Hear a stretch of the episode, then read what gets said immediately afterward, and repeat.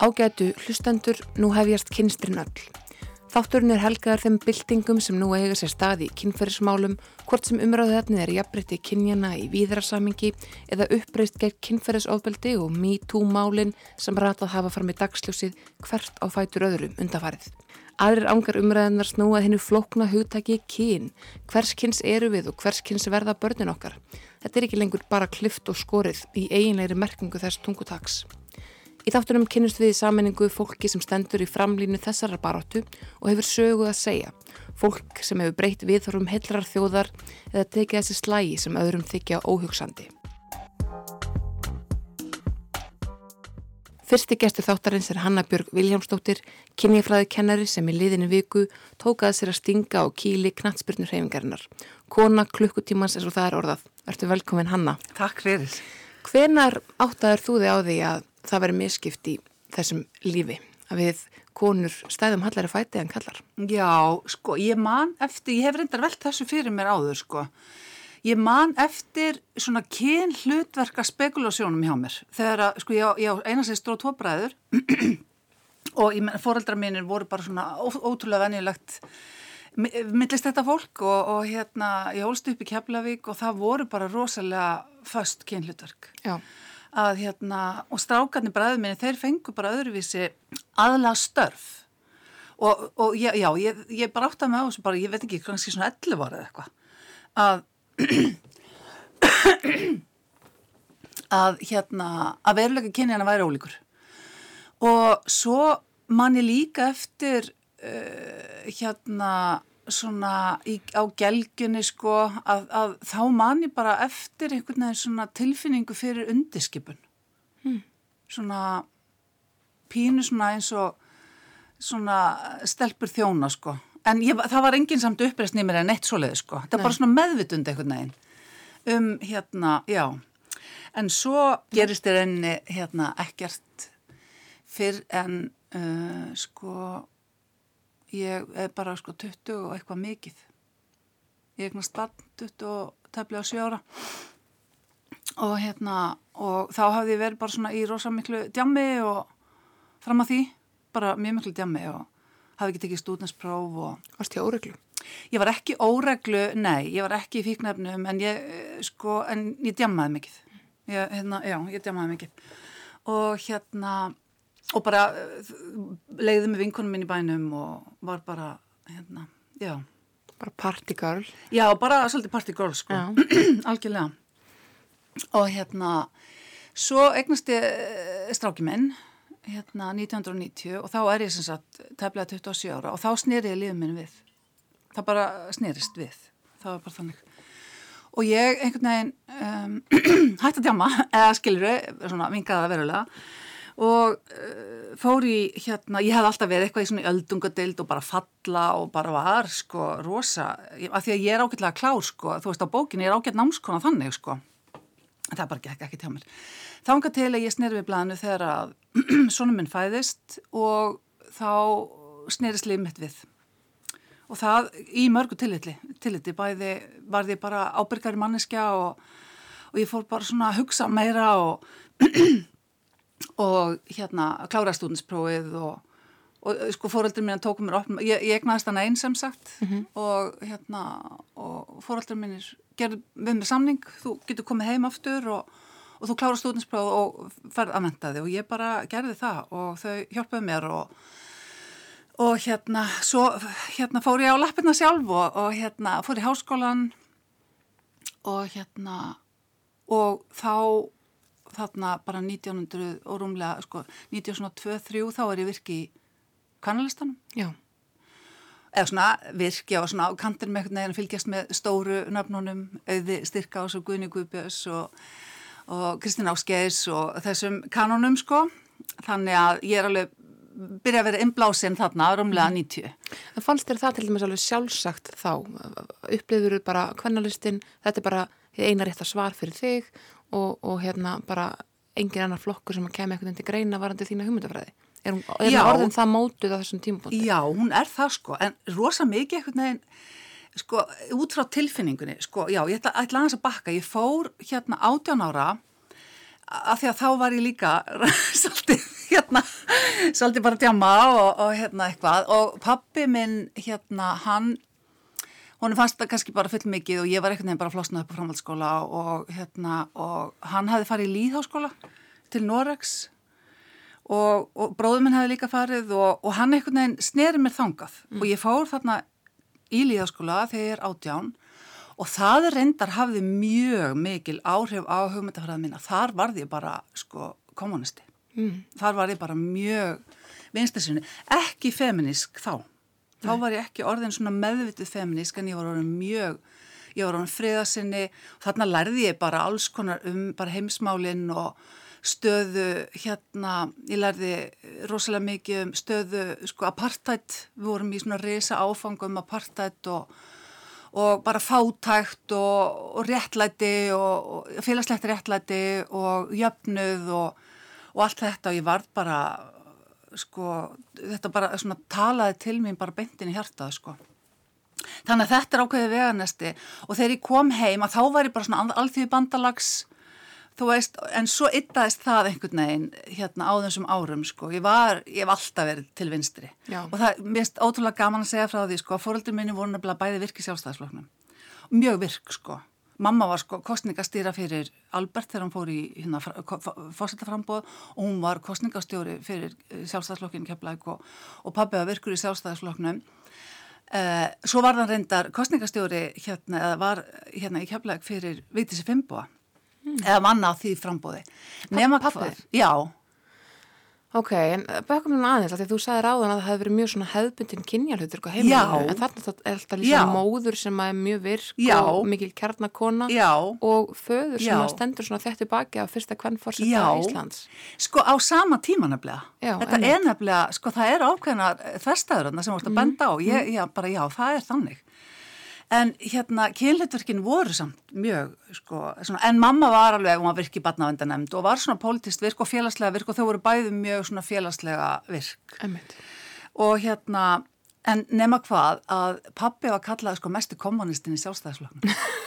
Þannig að, sko, það segi, og þarna, þó, það var bara félagslegt réttlæti var alltaf einhvern veginn, það var, það var aldrei talað, þetta orð var aldrei sagt, Nei. en það var alltaf einhvern veginn, það sveif einhvern veginn pínu yfir vötnum. Mm. þannig að hérna, ég held ég að fengi það svona pínu bara í mótuninni bara svona einhvern veginn óbeint sko á, á þannan skrítna hátt. Þannig að já, en svo verði ég sko feminíski raunni þegar ég byrja í háskólanum. Ég byrja í háskólanum hérna 92 held ég. Og þá fór ég beint í kvennafélagsvæði þá var kynjafræðin ekki til sko. Ég hefði klálega farið í kynjafræði þá. En fór í kvennasögu og kvenna kvennafélagsvæði og hérna hjá ég fór bæði hjá í ótrúlega flottan áfanga hjá Rannauður Trausta og Eði Styrkás og þannig að og varðvirk, ég og sýstuminn eruðum myrkar sem satt þarna í kannalistanum og, og það var bara einhvern veginn, þú veist, það var bara algjörlega málið mm. og þarna verði ég bara hérna, bara í raunni sko, þanniglega hardcore uh, hardcore feministi sem að reynda svo í dvala það reyndar er svolítið skrítið sko. Svo þinn persónulegi feminismi? Já, bara minn feminismi sko. Já. Já, ég fór í, í samband og hérna og, og þá einhvern veginn bara var, var ég ekki lengur. Þá, þá einhvern veginn gerist eitthvað. Og hvað, af hverju heldur það sé? Meina, já, hvað? þetta var bara einhvern veginn þannig samband sko sem að, já, já það var, já, ég var, var bara ekki var, var, fór þarna, já, ég fór í eitthvað dvala, sko. Og var og, þá, upplýður það mikið frelsi og jáfnvel hvern frelsi við að koma út úr því sambandi? Já, mjög mikið, mm. mjög mikið. Það var algjörlega þannig, sko. Að, og síðan er ég búin að vera einn og það henda mér alveg rosalega vel að hafa engan að segja, draga úr mér eða segja mér hvað ég á að gera og ég bara hlusta á einsæði mitt og ég hlusta á hjarta mitt og ég tristi því. Mm -hmm og ég ger mistök og það er allt í lagi. En, en já, ég, ég hvern frelsaðist þetta er nýtt orð. Ég hvern frelsaðist heldur þú eigir af því að fólku upplifiði mjög sterka og fólku upplifiði mjög svona raukfasta þú mm. hérna ferð oft svona alveg að brúninni mm -hmm. upplifir held í fólkum bara hvað má segja í þessum efnum mm -hmm. uh, þórir meðan aðri þeia er alveg heiklaust eitthvað sem er þetta að segja um þig mm -hmm. um, upplifir þú að í nánum samböndum eru erfiðar að maður halda í þetta uh, þessi enginni þín þessi persónu enginni Já, ég myndi allavega aldrei taka sensin á því að, hérna, að, að missa það sko, því að það er, það er bara algjörlega ég. Mm. og þarna finn ég röttinu mín og þarna finn ég, þarna er ég tengslum við innsæði mitt og, og hérna svona sjálfseflinguna mína sko, þannig að já, ég, ég þetta hefur samt, þú veist, þetta var aldrei ákverðun, þetta er bara einhvern veginn, þannig lífið hefur bara leitt mig pínu áfram sko og ég, og ég er ótrúlega sátt sátt við, við hérna, stöðu mína, hvað það var þar og hérna og ég bara, ég þóli ekki að vera sagt hvað ég á að gera sko, eða sko ég fylg alveg fyrirmælum skilur mig og ég get alveg verið, ég þarf ekki að leiða alltaf, ég get alveg fyllt algjörlega. En hérna bara ekki segja mér hvað ég á að gera. Mm. bara ef ég veit að bara þú veist ekki hérna bara do not do it. Ég er svolítið þar sko en ég hlusta Ég hlusta virkilega og hérna, ég hlusta á rauk og, en ég finn líktinn af hrútskýringum leið og hérna byrjar hérna þannig að hérna, já það, já og ég veistu það að þú segir að ég fara út á línuna og, og þóri meðan aður þegar, veist að ég, ég þú veist, ég, ef, ef ég ætti að lista upp 20 sko eiginleika mína þá, ég veit ekkert hvort að það væri endilega á listanum. Nei. Ekki endilega, ég er bara einhvern veginn Sko ég fylgir hjartanu en allt kemur við, hefur viðkomi í höfðinu, mm -hmm. skilur mig. Mm -hmm. Þannig að ég, þú veist, hjartaræðu för en ég, ég læta ekki teima út í vittleysi. En það er öruglega, sko kjarkurinn kemur þaðan held ég. Mm -hmm. Um, þú ert búin að kenna kynjafræði og ert uh, heiklust búin að brautriðandi í þeim efnum að kenna kynjafræði í framhaldsskólum. Mhm. Mm, breytingin sem hefur orðið á þessari umröðu síðan að kvennalistin var er auðvitað að kallar taka í aðeins meiri mæli þátt í umröðinni mm -hmm. og eru jafnvel að benda hverjum öðrum á þar sem að, að þeir svona, þar sem mm -hmm. skóin kreppir í þeim efnum hjá þeim en, en, en enga síður, konur eru auðvitað fyrirferðarmestar í þessari umröðu um, upplifir þú í þinni kennslu að þið takist að breyta viðhorfum uh, unglingsspilta? Algjörlega, bara Algjörlega sko. Og, og hvar helst, hvar er það helst þar sem þeir eru einhvern veginn bara Já. ekki með þetta? Já, þeir sko, þeir bara, þeir eru og krakkarnir eru og meira strákarnir að því að stelpina finna meira fyrir missettinu. Þú veist, þú finnur ekki fyrir forréttindunum, þeir bara eru þarna. Einmitt. Og sko þannig að, að þær eru meðvitaðari, þannig að þeir sko, þeir bara átta sig ekki á hlutunum, þeir eru bara eins og fiskurinn í sjónum eða sko þeir eru í, inni í bara menningunni eins og fiskurinn er einhvern veginn í vatninu og skilur ekki vatnið mm -hmm. af því að mhm. það bara er þarna allt um vefjandi sko. Þannig að hérna og mér finnst það er svo stutt í það hjá þeim að þeir bara skilja, bara ó, þú veist. En þetta er vandasamt vegna þess að það er, það er hérna ákveðin lína þegar þú ert í svona fræðslu og það, það er svo mikilvægt sko að krakkarnir, að strákarnir til dæmis upplifis ekki þurfa að fara í vörð. Nei að þegar við erum að tala um kynfyrsofbeldi, þetta er náttúrulega rosalega erfið umræða. Og að þetta er svo mikið og þetta er svo alvarlegt og, og þetta er svo hérna, það, það, það er svo mikil fyrirlitning í, í afstöðu samfélagsins til kynfyrsbrota og það er ofsalega erfitt að tala um þetta uh, þannig að, að þú veist það þarf bara að vanda sér mjög mikið að þeir fari ekki vörn og upplifi ekki að sé verið ráðast á sig að þetta sé þeim að kenna. Mm -hmm. af því að þá er náttúrulega það er bara agalegt. Alveg eins og það er ofsalega mikilvægt að stelpunar upplifis ekki einhver fórnalömp mm -hmm. þú veist, þetta verður að vel að valda eflandi á báða bóa og það verður að vera hægt að tala um þetta og það verður að gera með þessum forsendum og með þessari aðferð þessari, þessum kærleisíka aga uh, það er ákveðni en það er umhyggja. Og veistu það ég hérna umhyggja fyrir nefnendum er náttúrulega svo mikið grundallar atriði til þess að sko að því að ef þeim líður vel í kjænslistofunniðinni að þá fer bara meira nám fram Hemmitt. og þeim líður vel ef þau finna að kennarin er á þeirra bandi ef að, ef að kennarinnum hérna þykir bara væntum þau og vilji sko veg þeirra sem mestan og bestan hvers og eins mm -hmm. og takið tillit til að þau koma öll með alls konar heiman sem að gera þau misvel í stakk búin til þess að gera ímislegt í kennslustofunni, skilur mig. Þannig að það eru svona atrið sem er svo mikilvægt þegar þú ert að höfða til tilfinningar nefnda og við erum að vinna með tilfinningar þarna. Að þegar þú ert að vinna með svona viðkvæm mál það er svo ofsalega mikilvægt að halda vel utanum hópin og, og að hver og eitt finni það. Hérna, þú veist, að, að hérna, að þú, það, það er verið að hugsa um hann mm -hmm. og hanna. En hvernig ræður þessi mál við, við uh, þína nefnendur? Mm. Hvernig ræður þau kynfyrsopildi við ja. drengi og hvernig kemur þeim í skilningum að já, mm, kallmenn eru í 90 og eitthvað bara tilfell að gerendur í þessum málum. Líka þólendur, auðvitað, en, en þeir eru líka þólendur kallmanna já, í flestum tilfellum. Já, já, það er málið sko. Já, það er, sko ég fer reyndar í ofbeldisumræðana, fer ég sent á anninni. Já. Þannig ég er búin að tala um kallmennsku, ég er búin að tala um kvensku, ég er búin að tala um alls konar annað misetti og ég er búin að þjálfa því hugtakanótkun eins og normaliseringu, valdatengslum, félagsmótun og ímislegum svona uh, hugtökum mm -hmm. sem að skerpur hugsunna þeirra.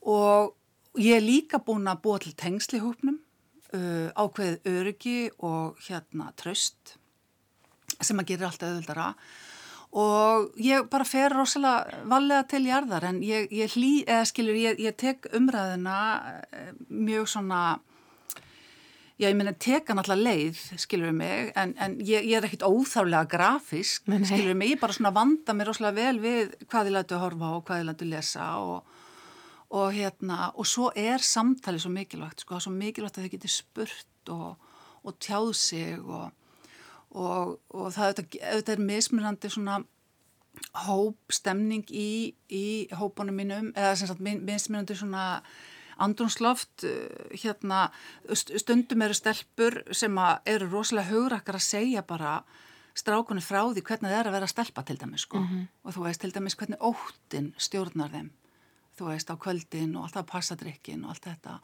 og þeir eru bara hálf meðisinn eftir þetta skiljuðu mm -hmm. mig Þannig að ég reynir svona að uh, leiða umræðuna inn í, þú veist, klámið til dæmis, ég er búin að fara í klámið sem eru þetta bara kynferðsóbildi fyrir framann myndavelar og hérna við erum búin að ræða það og, og þannig að ég fer svona, já ég leiði þetta svona einhvern veginn inn í, inn svona með menningunni þeirra og alls konar svona dæmum og, og hérna reyna að gera þetta á fjölbreyttan hátt. Mm -hmm en, en tek samt alveg umræðan allar leið og við förum bara í afleðingar kynferðsófældiðis mm. og ég menn ég spyr bara hver haldið að strákar nöðki og þú veist og ég varpa spurningum til þeirra að læta ígrunda. Og, og þau gera það alveg hjartarrein skilur þú hverju meina, þau eru ekki, þau eru ekki með stæla. Nei. það er ekki til. Og hver er sörin? Sko þau segja rosalega oft bara uh, að þetta sé spurningum vald sem þetta er og, og, hérna, og þau eru náttúrulega eins og ég var að segja búin að þjálfa sig í ákveðinu hugtakanótkun og þau átta sig á náttúrulega bara skadalegri kallmennsku sem, með, sem meðal annars inni heldur kynferðslegan yfirgang akkvart konum. Og hvernig konur eru kynþokkavættar í menningunni alveg frá því að þeir eru bara mjög litlar. Og hvernig strákum er kent að horfa á stelpur með kynferðslegum svona augum mm -hmm. og, og metaður út frá kynferðslega aðdráttarafli umfram annaf og þegar þú ert fann að skilja allt þetta svona í kringum að þá verður umræðan svo sjálfsögð veist og það bara svona já, emitt og bara ræða mörg skil, skiluru og að ræða valdatengslinn hvernig stelpum er kent að undiskipa sig. Og vera ákveðin kynferðislegt, ákveðin kynferðislegt viðfang fyrir stráka. Þannig að mörgin þeirra eru svo óljós og, hérna, og hvernig strákar þurfa einhvern veginn að taka það með henni í jöfnuna sína og stelpur þurfa, eða skilur hverju meina, þannig að mhm. ég einhvern veginn... En hvernig eru við að kenna stelpum þetta til dæmis? Að þær, séu kynfyrslega viðföng eða veist, hvernig byrjar þessi mm. uh, þróun, eins og þú segir, þegar þeir eru mjög ungar? Já, mjög góður, veist að þú fer bara gegnum hérna, sko, badnaefni. Það er náttúrulega bara algjör skelving hvað megin þorri badnaefnis er hérna sko mikið af staðalmyndum, kynþokkavæðingu, kvennfyrirlitningu, undirskipun uh, hérna og þetta bara stennst enga skoðun. skoðun. Marjana Klara Lútastóttir gerði mjög áhugaverða emmarít gerir bókmæntafræði um hérna það sem hún greinir með bókmöntafræðilegum augum hérna uh, eða satt barnaefni og hérna það er bara alveg skelving sko, það er að byrja að horfa á þetta tveggjára, hugsaði þér mm. og svo bara heldur þetta áfram skilur, svo heldur þetta áfram inn í sko ungmennamenninguna og, og hérna þú veist, og við vitum það alveg að konur, sérstaklega ungar konur, bara á vinnumarkaðanum það eru metnar út frá kynferðslega aðdraftarafli þetta hefur áhrif bara stöðu þeirra í launaviðtalum, skilur mig. Þetta hefur alltæk áhrif á líf okkar. Mm -hmm og hérna, við erum bara ekki að sportna ná mikið gegn þessu, við erum bara veginn eins og fiskarnir í sjónum, mm. við erum bara einhvern veginn við erum ekki að fatta sjón, hann er bara baneitraður. Og við erum bara siglandi áfram einhvern veginn, skilur við og reynum bara að verja okkur en, en það bara gengur svona og svona þegar að, að því að ég sé það líka að hvað stelpunar vald eflast þegar það átt að segja á þessu. Oh my god, þetta er ekki ég.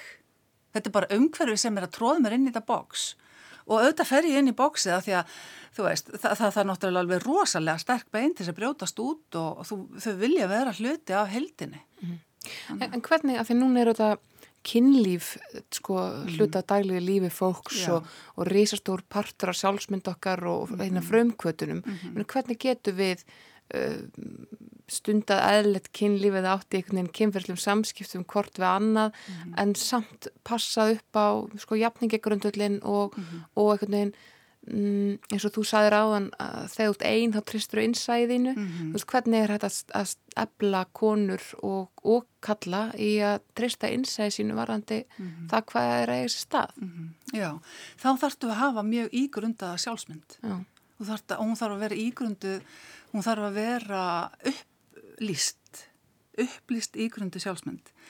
Og það sem ég á við þarna er að þú þart að vera búin að fá mótvægi skilaboð, getum við sagt, frá skadalegu menningunni, allt frá leikskóla. Og þart að fá hann að sí endurteki öllu mögulegu myndum í gegnum allt skólakerfið.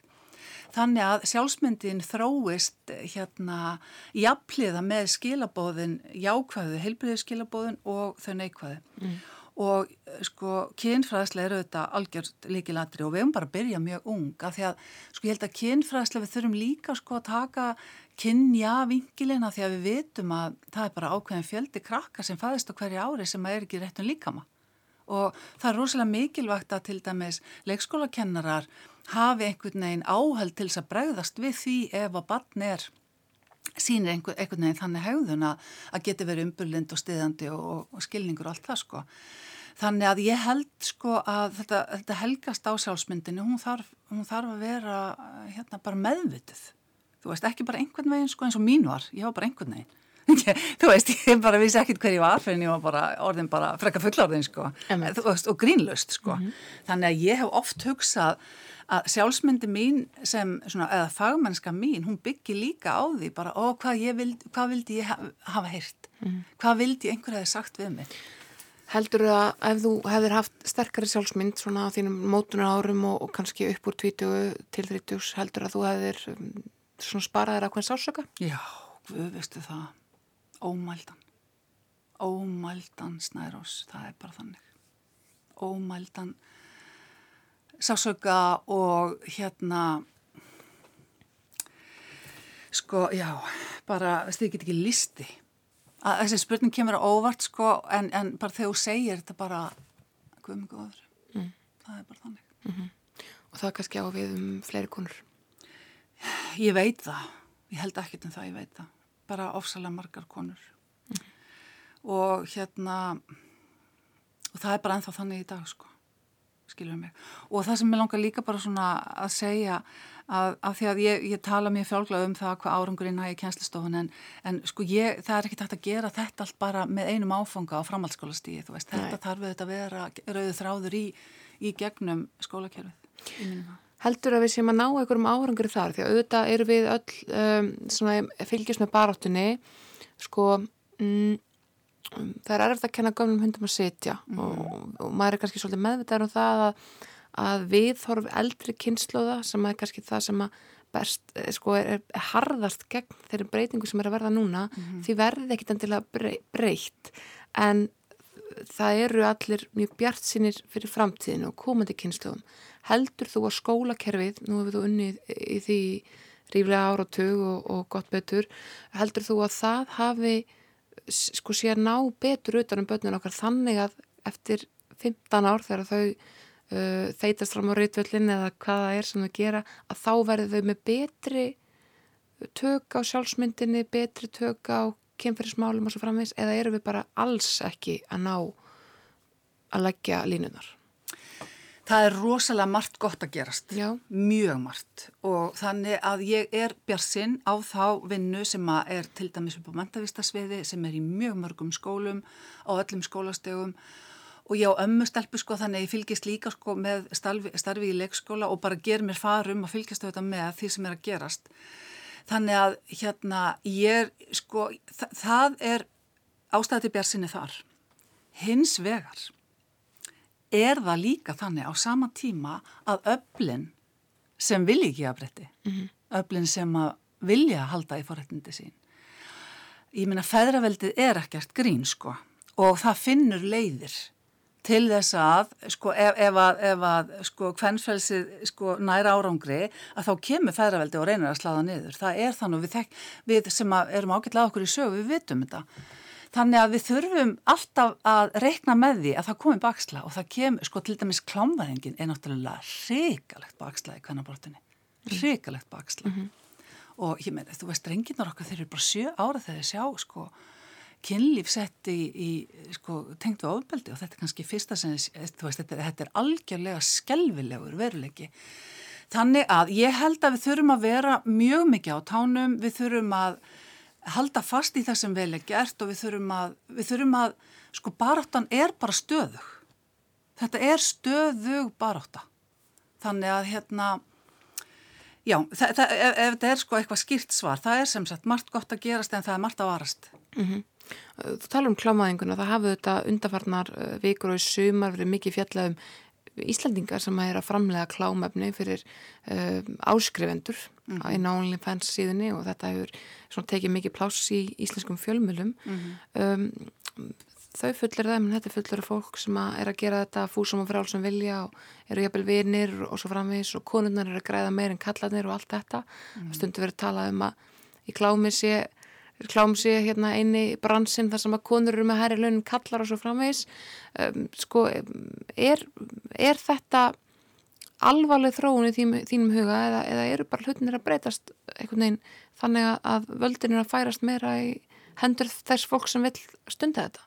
Já, þetta er, er auðvitað viðkvæmt mál sko, Já. af því að þetta hefur verið svona, verið svona debatt innan sko feminismans Uh, sko, ég, ég ætla að reyna að byrja á einhverju byrjun. Sko, sögulega sé þá hefur kynhefðun hvenna verið haldið gegn þeim og hérna svona bókmentaleg tákn, sko, það er annarkort eru konur mæður eða hórar. Mm -hmm. Dröslu skömmun mikil. Mikil dröslu skömmun og hérna þannig að og, og konur hafa verið í vandi og við vitum að vandi hefur sömu afleðingar á konur og kynferðsofbildi og þetta bara vitum við. Um, og að hérna, sko, að þessu sögðu þá ætla ég að segja líka að ég virði sjálfsákonur rétt hvenna. Það er þannig. Hins vegar samþykki ekki þegar að þegar eitthvað sem skadar konu sem hóp sem kallaði feminismi. Vegna þess að feminismi gengur út á að bæta hlut hvenna sem hóps en ekki einstakar hvenna, valdæflingu hvenna. Erstu með mér? Já, þetta er, já, en þarna kemur gamlega kommunisti fram með þér, sko. Já, sko, örglega, og, en, sko, þetta er raukstutt og, veistu það, það sem ég tók eftir í ólífhans umræðinni og það var, sko, að marga stelpur sem að komi fram, það er sögðu A, að þar hefðu orð fyrir kynfyrsóbildi, sem að er í dúrumól við uh, það sem við veitum í úrvandi og klámi og annað, það er lístuði hvernig er voru að fara lengur og lengri með mörgin sín og það er það sem að gera það verkum að uh, þarna koma neikvæða áhrifin. Mm -hmm.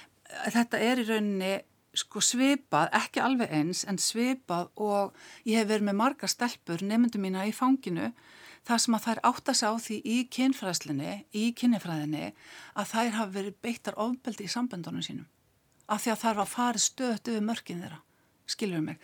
Þannig að ég hef rosalega áhugir af þessari þróun á sama tíma ég viðkynna algjörlega sjálfsákunum eftir hvernig með sinn líka maður að sjálfsögðu, það er algjört grundvallaratiði en þetta er vond mál fyrir unga stelpur að sjá þessar fyrirmyndir, græða mikla peninga sem þeir eru að gera en við erum ekki búin að sjá kannski ennþá skadan mm. hvort að hérna, það breyta einhver hvort að sko klámið eða vændið eða hvað viljum kalla það sé fyrir framann myndaölunar eða ekki. Það er í þínum huga jafnvel þó að, að það að framlega klám eða, eða stund að vændi í einhvern tilfellum væri valdablandi fyrir einstaka konu þá horfur þú á það þannig að það sé raun að veru skadandi fyrir konur sem heilt, Algjörlega. sem helming mannkins Algjörlega. og þar á leiðandi sé ekki hægt að samþykja það í raun og veru. Bara alls ekki og alls ekki út frá feminískum fórsendum. En, og ég veit líka sko að ég skil alveg að sko fyrirhandi, sko vandiskonir í starfi, það, það er til fyllt af viðtölum, það sem að það segja, þú veist ég er valdeld og allt það, svo er líka til viðtöl við konur, fyrirhandi vandiskonir sem segja ég sagði þetta á meðan ég var í þessu mm. að því ég þurfti að halda reysnum og ég skil það. Mm. Þetta er bara björgráð, hvenna. Og hérna, sko en mér finnst einhvern veginn ég búin að lesa það mikið og sjá nú svo mikið og, og hérna að ég, ég get alls ekki samþektit út frá feminískum fórsendu, bara alls ekki. Þú hefur þetta verið í fjölda viðtala í vikunni út af þessu KSI-máli eh, þar sem að þú stegst fram og ákvæmst að bara reynlega einu óstutastinga á kýli hreyfingarinnar uh, og svo hefur uh, hafað þvílga vendingar á orðið og stjórn sagt af sér og, og hvað eina. Um, fókbaltamenn hafa stíðið fram og talað um klefakúltúr, mm -hmm. talað um mjög skadlegar kallmennsku ímyndir sem að svo vera slítast yfir á samskipti þeirra við konur, allavega einstakra fókbaltamanna. Mm um, þú talað um völd í þessum efnum, valda miklu menn, leifir sér meira, sko, hvernig munum við laga þetta? Hvernig verður hægt að bjarga þessu máli og, og sko taka heilan knatspunni heim og reyfingu og bara einhvern veginn snúa við því sem að hefur hingað til þótt í lagi. Mm -hmm. Já, sko þetta þótt í lagi þar en ekki, ekki það núti og veistu það að það er algjörlega magnað sko skilabóðun rignir, ég er búin að segja þetta svo oft sko, en, en þeim rignir yfir mig og ég er að fá svo ótrúleg dæmi. Og það er bara, skilur á hverjum klukkutíma. Það hlæðist utan á þetta. á en málið er að ég var búin að heyra þetta frá strákanum mínum fyrir lungu Já. af því að við erum afreiksbreyt upp í borgu þannig að ég fæ mikið af íþróttakrökkum og strákanum mínum voru búin að segja mér alls konar. Mm. og stelpunar voru búin að segja mér alls konar. Þannig ég vissi sko helling vil ég meina um það hvernig þessi klefakúltur væri og hvernig mismununin byrtist og, og hérna og svo framvegist þannig að sko það, ég, ég, ég hef mjög skýra sín um hvað þarf að gerast sko hérna innan KSI og, og, og hvað er það sem þarf að gerast? Það, það, það er ekki nóg ekkur stjórn segja af sér. Nei, það er bara alls ekkert nóg sko en það, það er fín byrjun já, já, já. og það er, er nöðsynlega fórsenda en núna þarf náttúrulega bara að koma um, mjög sterk stjórn og fórista sem hefur mjög skýra sín, feminiska sín vegna þess að sko, ég veit alveg sko í fókbaltan þá er auðvitað feminismi ekki sko vinsaðast orðið en hérna, en málið er að sko fólk þarf að fara að skilja hvað feminismi er. Feminismi er það að líta á hlutina út frá kynjasjónum að skoða valdatengslinn á milli kynjana í, öllu mögulegu og ómögulegu, í orðræðunni, í aðstöðunni í fjármögninni og svo framvegis. Þetta er að hafa feminiska sín mm. og hún þarf að vera til staðar ef við ætlum að laga eh, hérna milli kynjana í fókbalta þá, þá þarf sín að vera feminisk mm -hmm.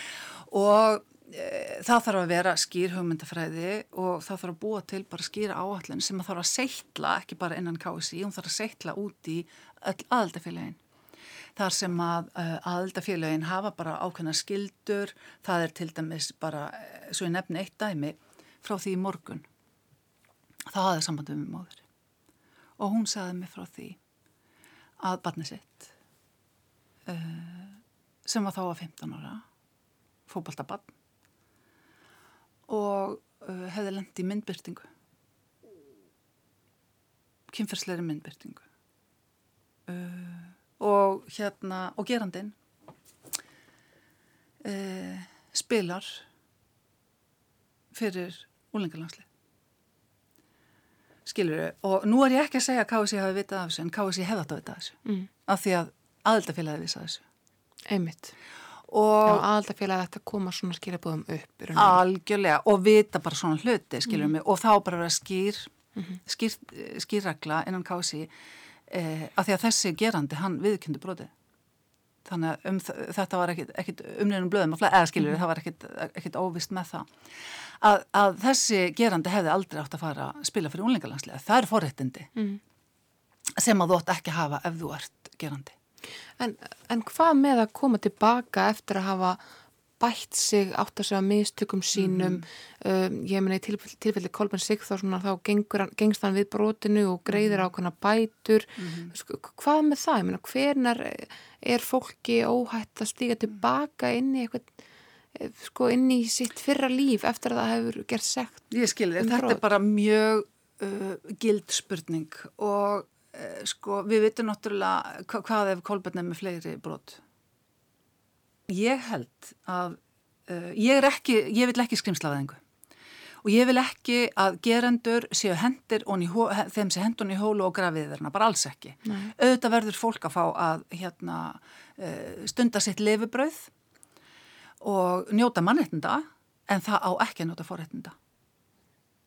Og það að vera fræg manneskja er forréttindi, það að spila fyrir íslenska landsliðið er forréttindi og þau áttu ekki að fá. Ef að hins vegar hérna einstaklingur nær bata, sínir auðmygt, yðrun og hérna axlar ábyrð á gjörðum sínum, þá finnst mér og vill fá forréttindin eins og allir mis að spila fyrir íslenska landsliðið. Þá þarf viðkomandi í mínum huga að koma fram fyrir álþjóð sem hann er að spila fyrir, hönd, og vera auðmjögur og bara hérna sannfæra fólku um að hann eigi það skilið og sína fram á það með hugrekki, auðmygt, styrk og ábyrð. Ég raun að vera, að vera svona kannski forvirkur í því sem að, að í þessari afsökunarbeginni Algjörlega. tala til fleiri en bara sínskeranda. Akkurat, nákvæmlega og vera góð fyrirmynd til dæmis að hafa tekið þátt þá í forvarnastarfi, þú veist, og, og hérna, Heldur að samfélagi sé á þeim stað og umræðan að það eru tekið vel á móti mannesku sem að, og geranda sem að gerði slíkt? Sko ég veit ekki hvort við séum ákvarðað þar núna en ég held að við séum í byrjuna fasanum á því að komast þangað. Mm. Að því að núna erum við svo mikið að tala um þetta að því við þurfum að eiga samtali um þetta svona þú veist eins og við erum að gera og, og, og víðar og áður en þetta fyrir að gerast svo. Einmitt. Við þurfum að undirbúa bara almenning og undirbúa, gerendur, undirbúa andrunsloftið, skilur mig. En sko, en það sem við þurfum að gera fyrst, það er að breyta orðræðin kringu þólendur það er náttúrulega algjörlega fyrir neðan allar hellur að uh, stúlkum og konum, ég, seg, ég kynja þetta vegna þess að það er miklu algengara, er nöðgað og svo er þeim bara hendundur útuna ef það er alltaf tilkynna. Þetta er svo viðbjóslegt og þetta er svo ólíðandi að við getum ekki sagt okkur við þetta lengur. Við bara getum það ekki. Hanna Björg Viljámsdóttir, því miður er umræðan alls ekki tæmt en við komumst ekki lengra að sinni. Uh, takk kærlega fyrir komuna og það verður áhugavert að fylgjast með já, næstu skröðum í barátunni. Takk fyrir kærlega.